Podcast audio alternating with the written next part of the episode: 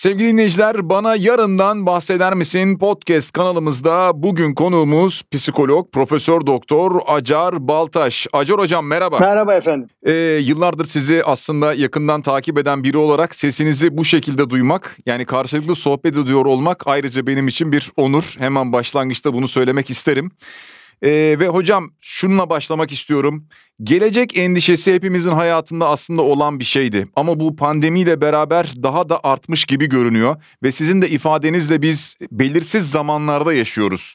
Peki bu belirsiz zamanları, bu dönemi psikolojik olarak biz nasıl atlatabiliriz? Bu belirsizlik bizi ne yönde etkiliyor? İnsan dünyada her şeye uyum sağlar. Hani bir meşhur artık herkesin diline pelesenk dediğimiz eski dilde e, diline dolanmış bir söz vardır. İşte e, mutlaka uyum sağlamak gerekir. E, uyum sağlayamayan işte telef olur, yaşamaz. Varlığını sürdürenler uyum sağlayanlardır. Dinozorlar falan böyle benzetmeler. Ancak insan hayatta her şeye uyum sağlar. İnsanın uyum sağlayamayacağı hiçbir şey yok. Düşünün ki insan kutuplarda da yaşıyor, ekvatorda da yaşıyor. Bütünüyle savunmasız bir canlı olarak dünyaya geldiği halde hatta uzayda da yaşıyor. Mesele yakında Mars'ta yaşamayı, başka gezegenlerde yaşamayı planlıyor. Mesele e, uyum sağlamak değil. Mesele o uyum sağladığımız şeye kendimize ait hissetmek. Bir kere bu çok belirleyici. E, çünkü sonunda ben 15 ay evvel, 16 ay evvel bu konuşmaları yaptığım zaman yani hemen pandeminin başladığından kısa bir süre sonra kapanmalar başladığında e, Nisan-Mayıs aylarında işte o zaman bu uyum sağlama dönemi e, konusu geçerliydi. Ancak şu anda bu uyum sağlama e, konusunun çok dışına çıkmış durumdayız. Çünkü e, neredeyse 18 aya yakın bir süredir e, çeşitli sınırlamalarla yaşıyoruz. Bunlara uyum sağladık bir ölçüde. Ama kendimize ait hissetmiyoruz. Onun için de ucundan veya kıyısından delmeye çalışıyoruz. İnsan bir tek şeye uyum sağlayamıyor. Demin söylediğimle çelişecek gibi bir şey söyleyeyim. O da belirsizliğe. İşte ne zaman biteceğini bilmemek, bu sınırlamaların ne zaman kalkacağını bilmemek insanları bunaltıyor.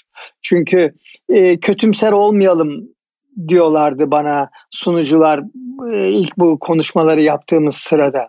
Ancak bugün biliyoruz ki en az iki sene daha maskelerimizi çıkarmadan yaşayacağız. Bu birincisi. İkincisi muhtemeldir ki bundan sonra önümüzde tekrardan bu türlü kontrol edilemeyen e, pandemiler, küçük pandemiler olabilir bu boyutta olmasa bile. O zaman da maskelerimiz belki bizim kıyafetlerimizin, aksesuarlarımızın bir parçası olmak durumunda. Ha eller havaya eğleniriz, bağıra bağıra şarkı söyleriz, yine karşılıklı böyle herkes kucaklaşır, öpüşür.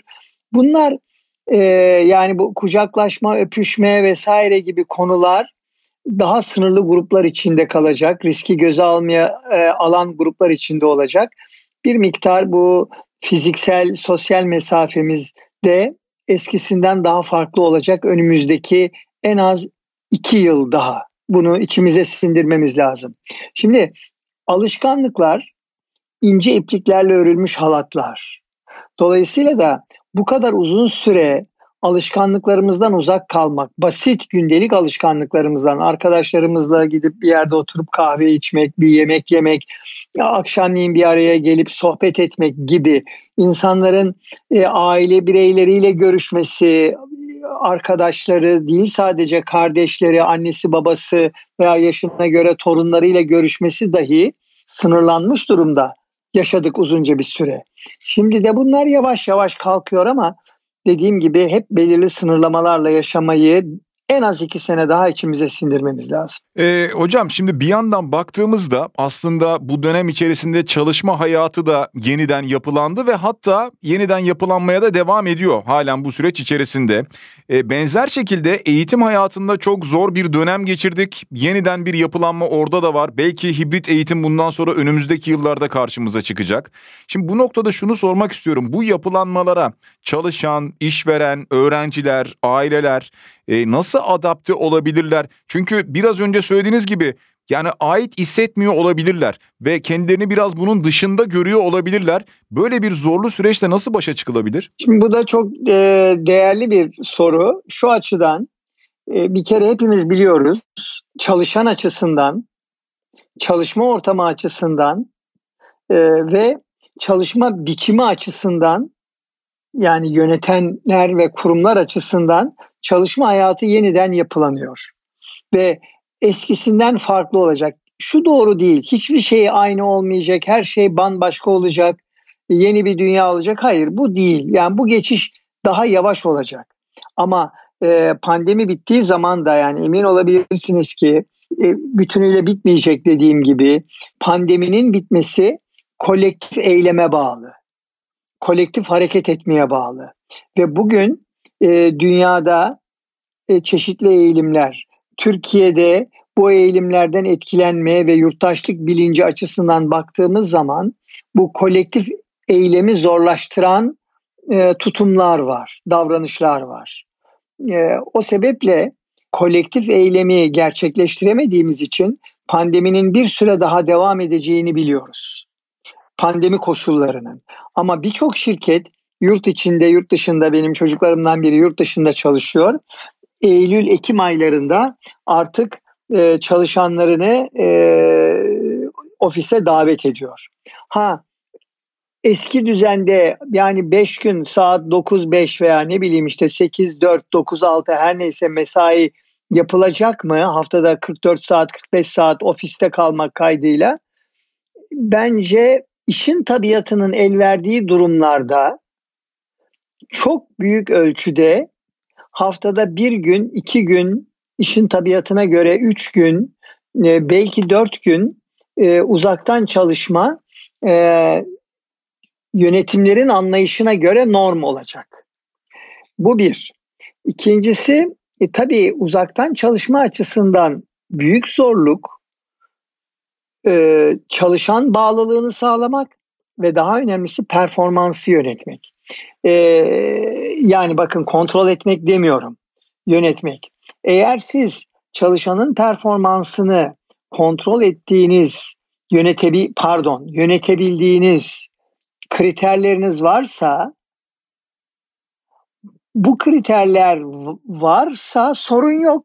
Çünkü ha ofiste oturmuş yapmış, hazırlamış e, finans raporlarını, ha e, evinde a, hazırlamış kendi koşullarında, kendi zamanında, kendi dilediği e, hızda.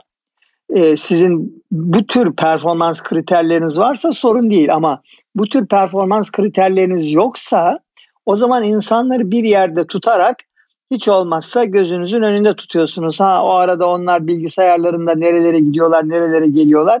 İşte onları bilmiyorsunuz. Bilmeniz gereken durumlarda bilmemeyi tercih ediyorsunuz.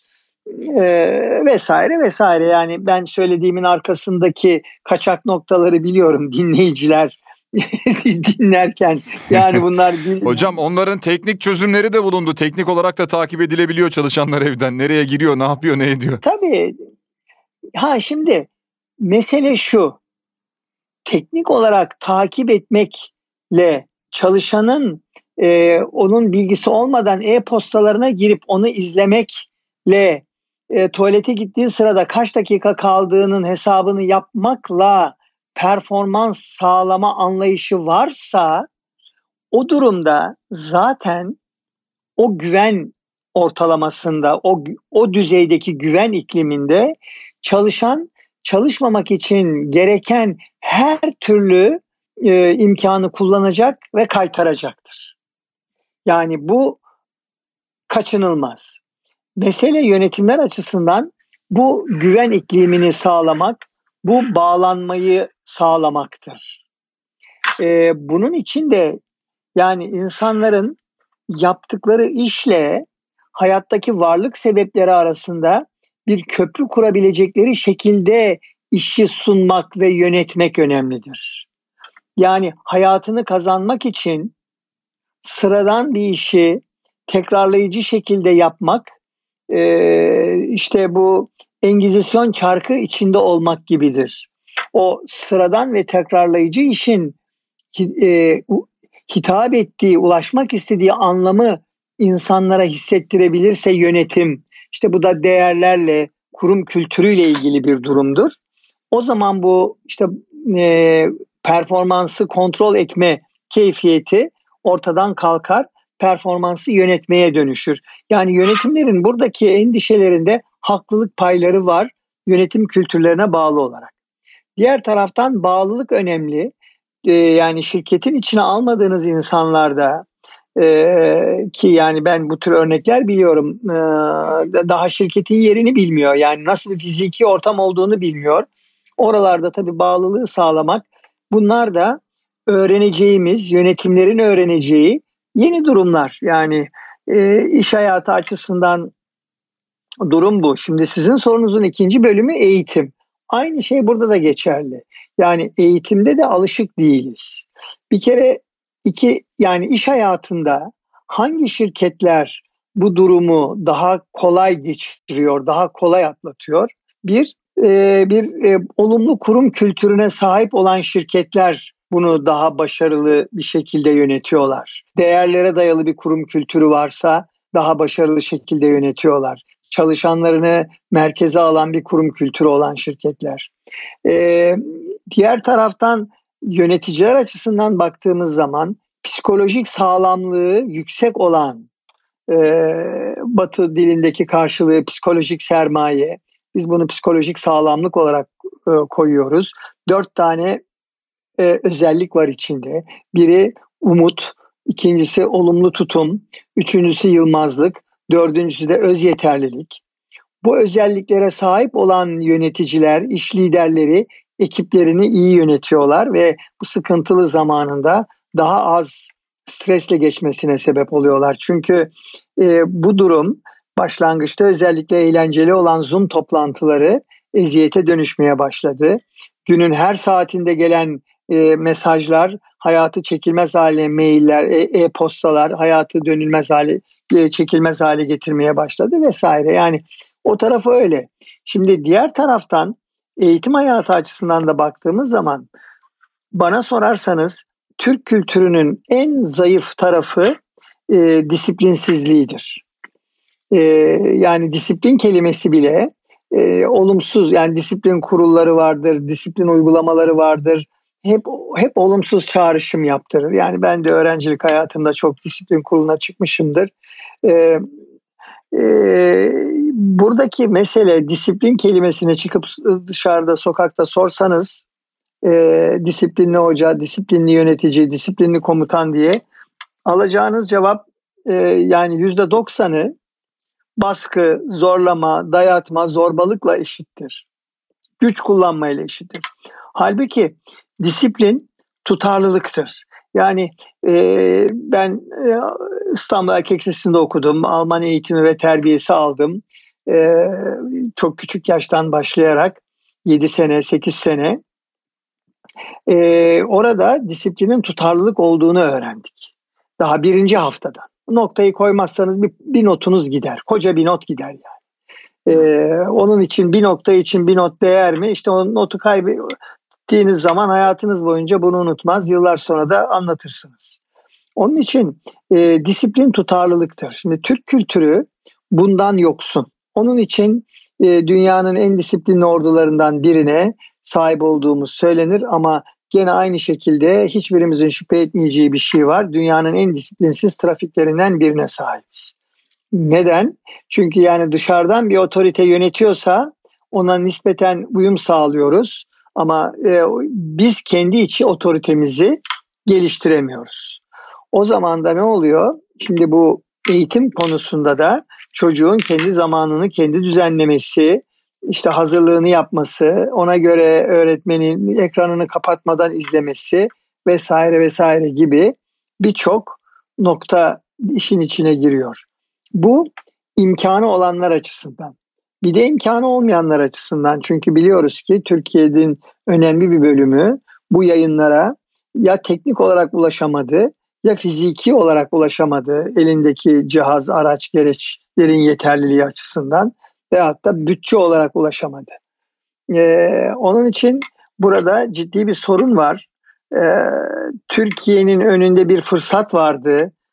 umarım o fırsatı kullanma yolunda ilerlerler. Çünkü uzaktan eğitim gerçek anlamda gerçekleştirilirse bu eğitimdeki fırsat adaletsizliği sebebiyle dezavantajlı olan çocukların bu farkı kapatmasına imkan sağlayacak bir potansiyele sahiptir.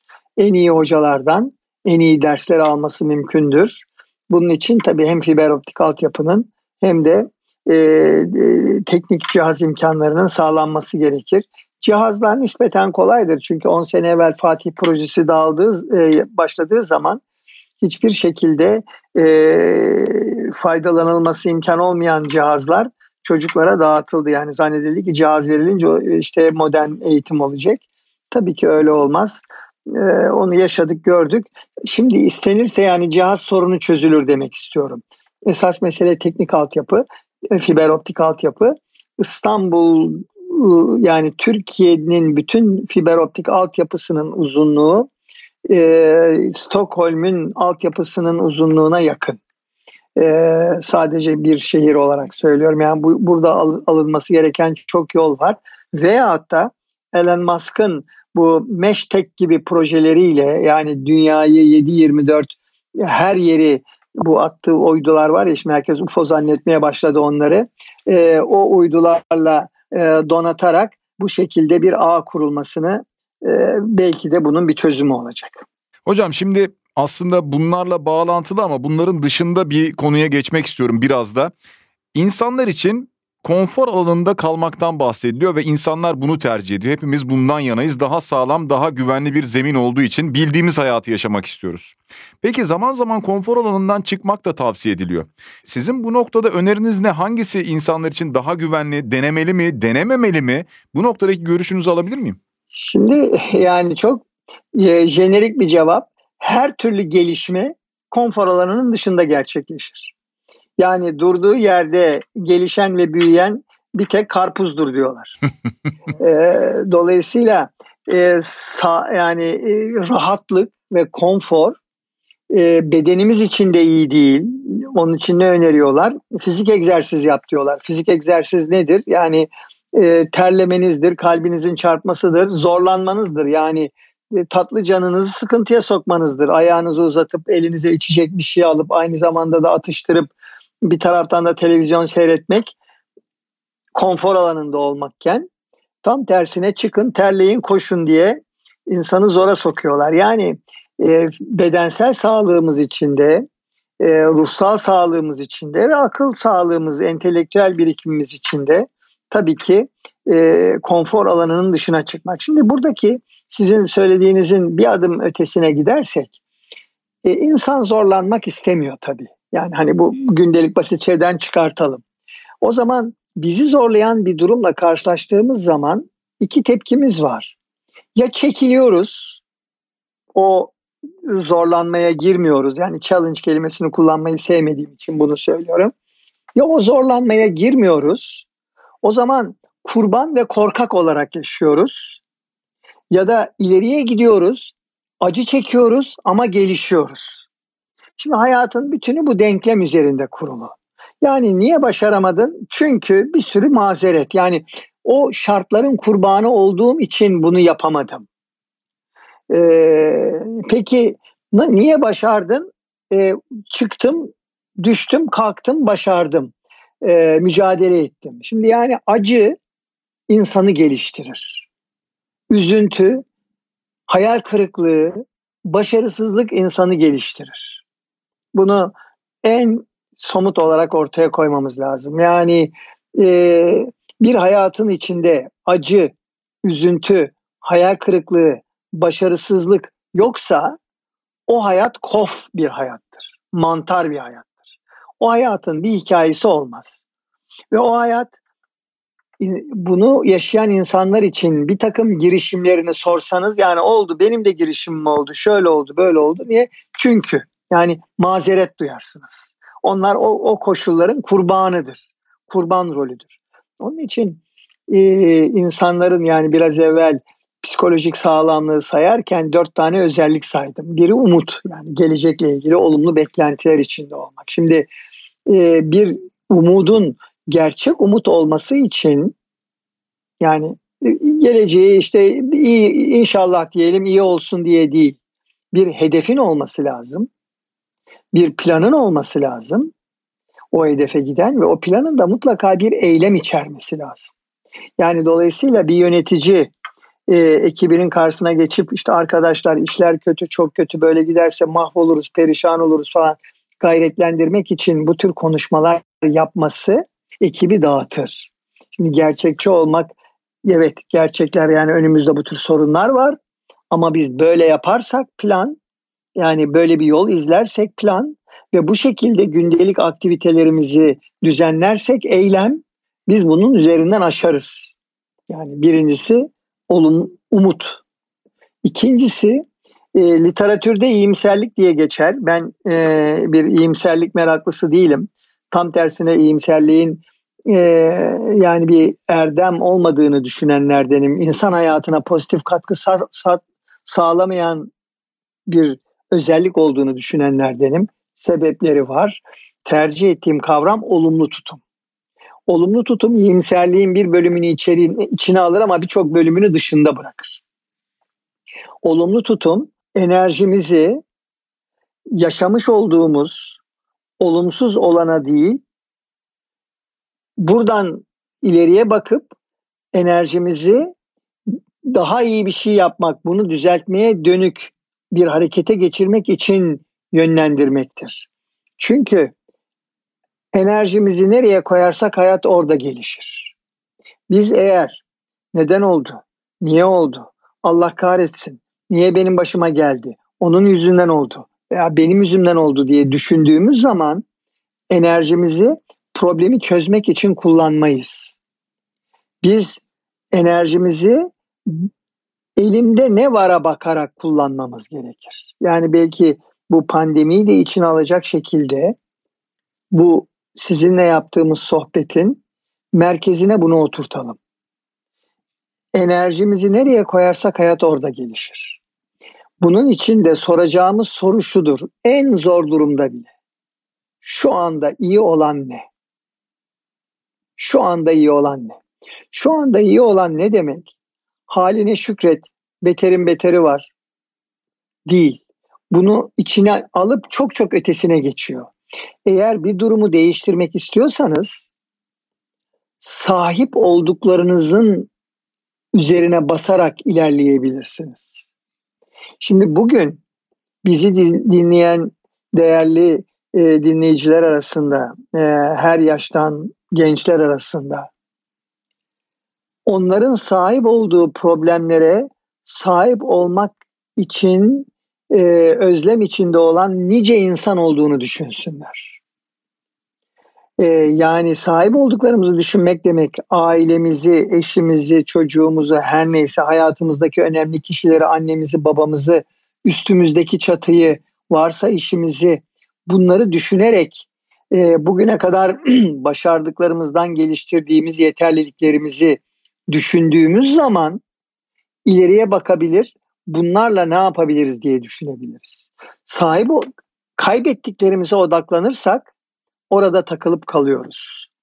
Dolayısıyla ikinci özellik ve bence de hayatımızı aydınlatan veya karartan, başarıyla başarısızlık arasındaki eşiği tanımlayan ince çizgi burada. Üçüncüsü düşmek ve kalkmak, başarısızlığı göze almak, yılmazlık. Problemle karşılaşınca çözemiyorsa bir adım geriye çekil, etrafından dolan başka başka bir yol dene. Bunun adı yılmazlık. Ee, Yankı Yazgan'ın güzel bir kitabı vardır. Düşe kalka büyümek diye. Evet yani insanda böyle gelişir. Düşe kalka. Düşe kalka. Ha, ondan sonraki üçüncüsü, dördüncüsü ne? Öz yeterlilik. Öz yeterlilik nedir? Geçmişte bir sürü problemle karşılaştım, aştım. Gene aşarım. Şu yolları denedim, burada da deneyeyim. Olmazsa yenisini deneyeyim. Yani işte bu da e, özgüvenin alternatifi olan kavramdır. Çünkü özgüvenin altında bir temel yoktur. Yani o işte insanlara kendilerinin iyi, farklı, üstün olduğuna inandırılmasıdır ki sonu felaketle biter, iyimserlik gibi birçok konuda. Acar Hocam aslında e, bu anlattıklarınızın içinde kısmen vardı ama e, sizin bir röportajınızda da duygusal okur yazarlıktan bahsediyorsunuz. Yani bizim çağımızda bu dönemde dijital okur yazarlık çokça konuşuluyor muhakkak ama siz diyorsunuz ki e, duygusal okur yazarlık bu önemli bizim için gelecekte. E, bunu biraz açabilir misiniz bize? Nedir duygusal okur yazarlık? Şimdi şöyle e, yani bir kere kendimi yanlış ifade etmiş olmayayım dijital okur yazarlığın alternatifi olarak veya onun yerine e, duygusal okur yazarlığı koymuyorum. Tabii. E, dijital okur yazarlık yani e, okur yazarlık. Hı hı. E, neyse e, otobüsün üzerinde veya işte e, uçağın e, şeyindeki e, hareket e, tahtasının üzerindeki e, planı okumak gibi bir şey bu. Yani okumanız yazmanız yoksa bir yere gidemezsiniz. Dijital okuryazarlığı böyle görüyorum. Ee, bugün eğitim alan e, ve bugün eğitim alanları eğitecek olanlar için. Ee, onu bir yana bırakıyorum. Ama bunun yani hani işte bu dijital okuryazarlık gelip algoritmalara teslim edilince her şey o zaman başka bir dünyada yaşayacağız ve o zaman da yani bu duygular ne olacak gibi bir yaklaşım da var. Ee, bir kere algoritmalara teslim olmamak için dahi duygusal okur yazarlık önemli. Ne demek istiyorum algoritmalara teslim olmamak için derken? Şimdi algoritma örüntü tanıma becerisidir. Yani patern karşılığı kullanıyorum. Bu paternleri tanıma becerisidir. Dolayısıyla da gelecekte ne olacağını öngörebilmek, geçmişteki paternleri, e, geçmişteki zinciri, diziyi iyi tanımaya bağlıdır ve tabii ki algoritmalar, yapay zeka bunu insandan daha iyi yapar. Zeka problem çözme becerisidir çünkü. Ve algoritma insanları yani yapay zeka tabii ki insandan çok daha iyi problem çözüyor.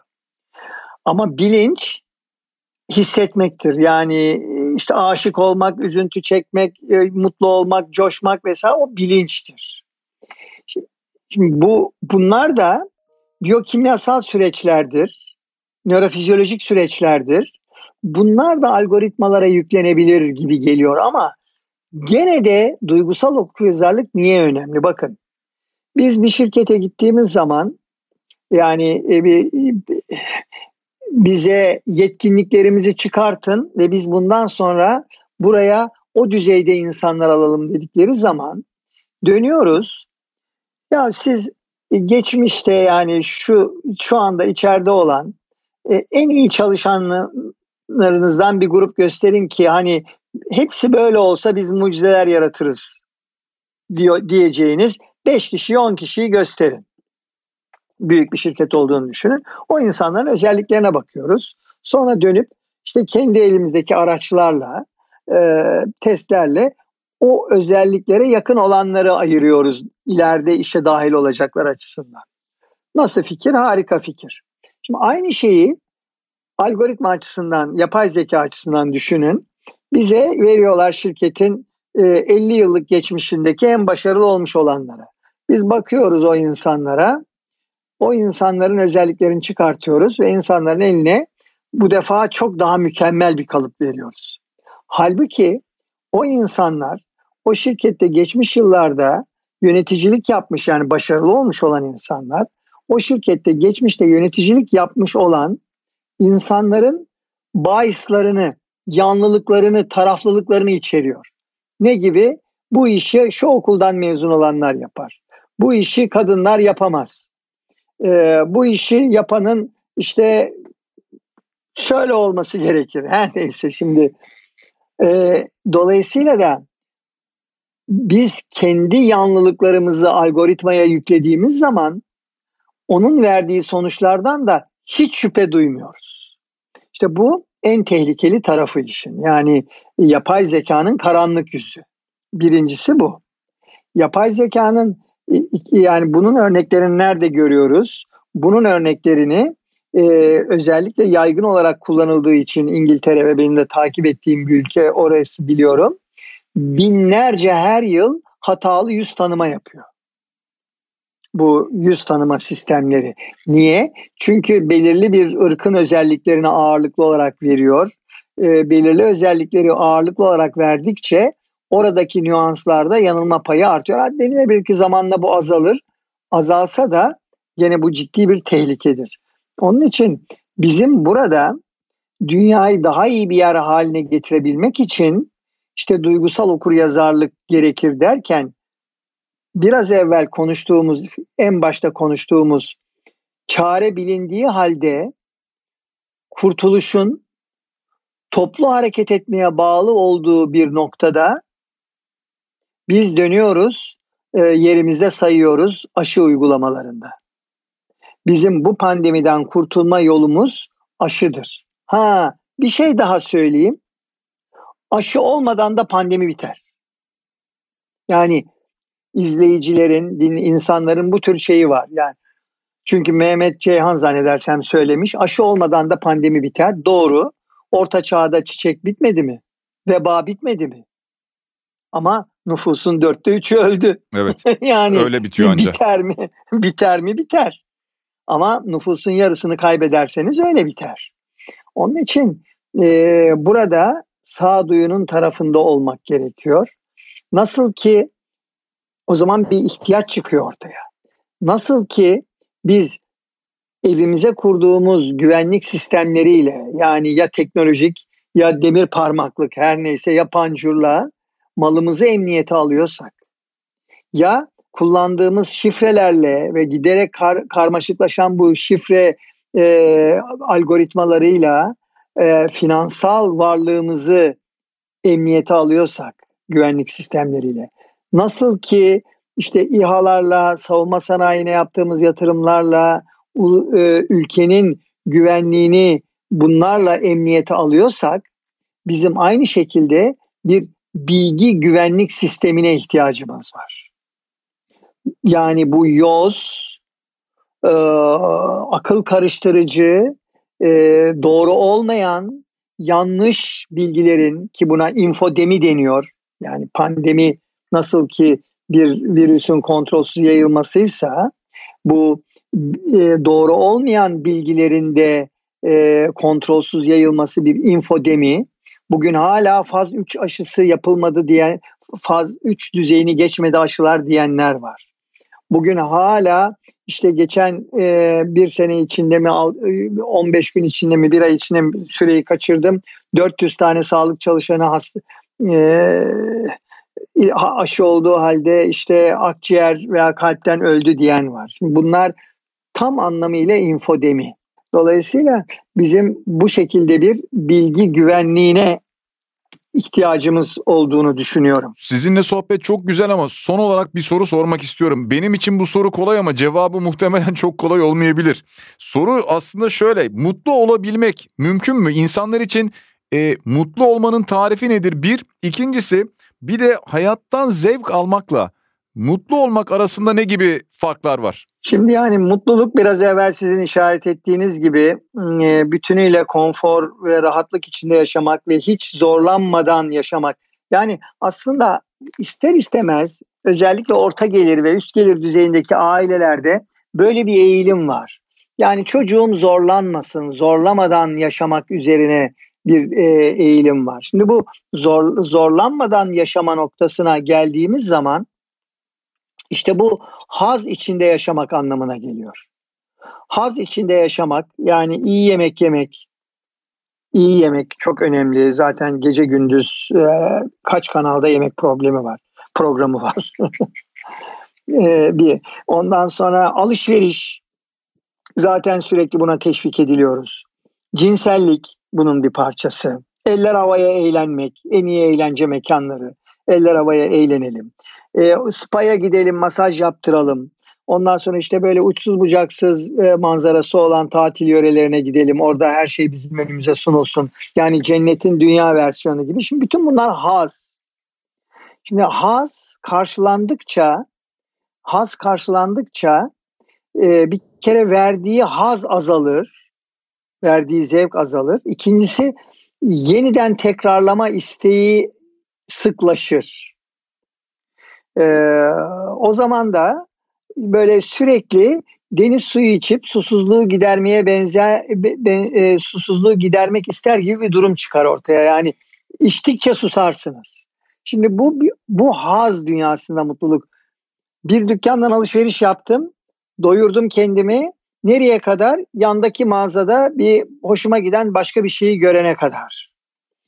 Aynı şey cinsellik için, aynı şey yemek için, aynı şey eğlenmek için. E, tatilden geldik, nereye gidiyoruz? Şimdi imkanı olanlar için konuşuyorum. Ama herkesin kendi hayatında bu tür kaçışlar var. E, belirli bir düzeyde bu bizi yeniler. Şimdi bakın e, pandemi bize bir şey öğretti. Neyi öğretti? Yani kendi adımıza hepimiz kendi hayatlarımızın tanrısıyız. Ne demek kendi hayatımızın tanrısı olmak? Tanrı'nın özelliği nedir? Hakimi mutlak, kaderi mutlak ve ölümsüz. Tüm güçlülük, omnipotans. Şimdi hepimiz bir bir kere ölümün ummadığımız kadar yakınımızda olduğunu ve yakınımıza geldiğini gördük. Bir. İkincisi, ikincisi e, imkanımız var, yapamıyoruz. Paramız var, harcayamıyoruz. E, yapmak istiyoruz, gerçekleştiremiyoruz. E, dolayısıyla da e, bir kere kendimizin bu kadar muktedir olmadığını, bu kadar şeyde hakkımız olmadığını fark ettik. Yani hazımızı doyuramadığımız için e, bir sıkıntı yaşadık. İkinci düzeyde mutluluk nedir? İkinci düzeyde mutluluk okuduğumuz bir kitapta, gittiğimiz bir konserde, bir arkadaşımızla girdiğimiz sohbette, e, yaptığımız işte, hobimizde zamanı kaybetmektir. E, hatta zamandan ve mekandan kopmaktır. İşte buna psikologlar akış hali derler. Zaten İngilizce, İngilizce'de happiness, happen eylem kelimesiyle e, akrabadır. Onun için eylem içinde mutluluk mutlu olmak. Şimdi eylem içinde mutlu olmak için de beynimizi ve bedenimizi buna hazırlamamız gerekir. Yani kaya tırmanışı yapmaya yapamazsınız. Yani düşer birinizi sakatlarsınız en iyimser. Birinci dağ bisikleti de, deneyiminizde akşamleyin yattığınız yeri bilemezsiniz. Yani yavaş yavaş kendinizi hazırlayacaksınız. Düzeyde mutluluk da kendini aşan bir amaca hizmet etmektir. Bu din yoluyla olabilir, e, maneviyattır bu. Aynı şekilde din dışı yolla da olabilir. Bu da maneviyattır. Yani bizim sahip olduklarımıza sahip olmayan insanların hayatına bir şey katmak veya dünyanın dertlerinden, geleceğin dertlerinden biriyle dertlenmek, iklim kriziyle e, dertlenmek gibi, doğal hayatla dertlenmek gibi. Yani sivil toplum örgütleri bunun için bir e, imkan, bir fırsat sunmaktadır insanlara güçlerini büyütebilmek için e, mahalledeki köpekleri beslemek, kedileri beslemek veya fakire sadaka vermeyi aşan bir şey söylüyorum. Örgütlü bir eylem içinde olmayı söylüyorum. Örgütlü eylem içinde olanlar hem din içi yollu olsun hem din dışı yollu olsun daha uzun yaşıyorlar. Kesin yani benim Hayatın Hakkını Vermek kitabında 80 yıllık bir araştırmanın aynı insanlar üzerinde yapılan bir araştırmanın e, verileri vardır. Modern araştırmalarla desteklenmiş olarak bunu gösteriyor. Ha, şimdi en uzun yaşayanlar e, bu saydığınız kesim değil mi? Bu yani onlar da bunların arasında var. Başka şeyler de var da. Şimdi burada benim güncel olarak programın sonunda söylemek istediğim şey şu. E, vermek istediğim mesaj. E, sahip olduğumuz dertlere sahip olmak için dertlenen nice insan var. Yakınlarını kaybetmiş olanlar işini kaybetmiş olanlar. Her şeylerini bırakıp bu ülkeye kendilerini canlarını kurtarmış için atmış olanlar. Şimdi yani vicdan bunun için var. Vicdan bunun için var. Ee, insanı uzun yaşatan da vicdan. Vicdan azap vermek için var. Rahatlatmak için yok. Onun için de üçüncü düzeyde mutluluk kendini aşan bir amaca hizmet etmekle mümkündür. Ve bunu sağlayan şey maneviyattır. Ee, kendim için yaşıyorum, dünyaya bir kere geldim, ailem için yaşıyorum demek bir, antik düşünürün sözü kendisi için yaşayanın ölümünden dünya karlı çıkar. Onun için e, kendi hayatımızın başkalarının hayatına katkı sağlamak için attığımız her adım örgütlü adım yani bir yere para vermek, para bağışlamak değil, zamanımızı ve paramızı kişisel olarak bir amaç için ne kadar imkanımız varsa o kadar harcamak insanların hayatını aydınlatan ve e, vicdanını geliştiren bir adımdır. Acar Hocam şimdi programın artık sonuna geliyoruz biz yayınımızın ama ben sizinle bu röportajı yapmış olmama rağmen e, birkaç kez daha e, bunu dinleyeceğim. Tahmin ediyorum dinleyicilerimiz de bazı bölümleri durdurup durdurup dinleyecekler. Öyle tahmin ediyorum. Alınacak çok ders olduğunu düşünüyorum. Çok teşekkür ediyoruz değerli katkılarınız için. Sağ olun. Teşekkür ederim.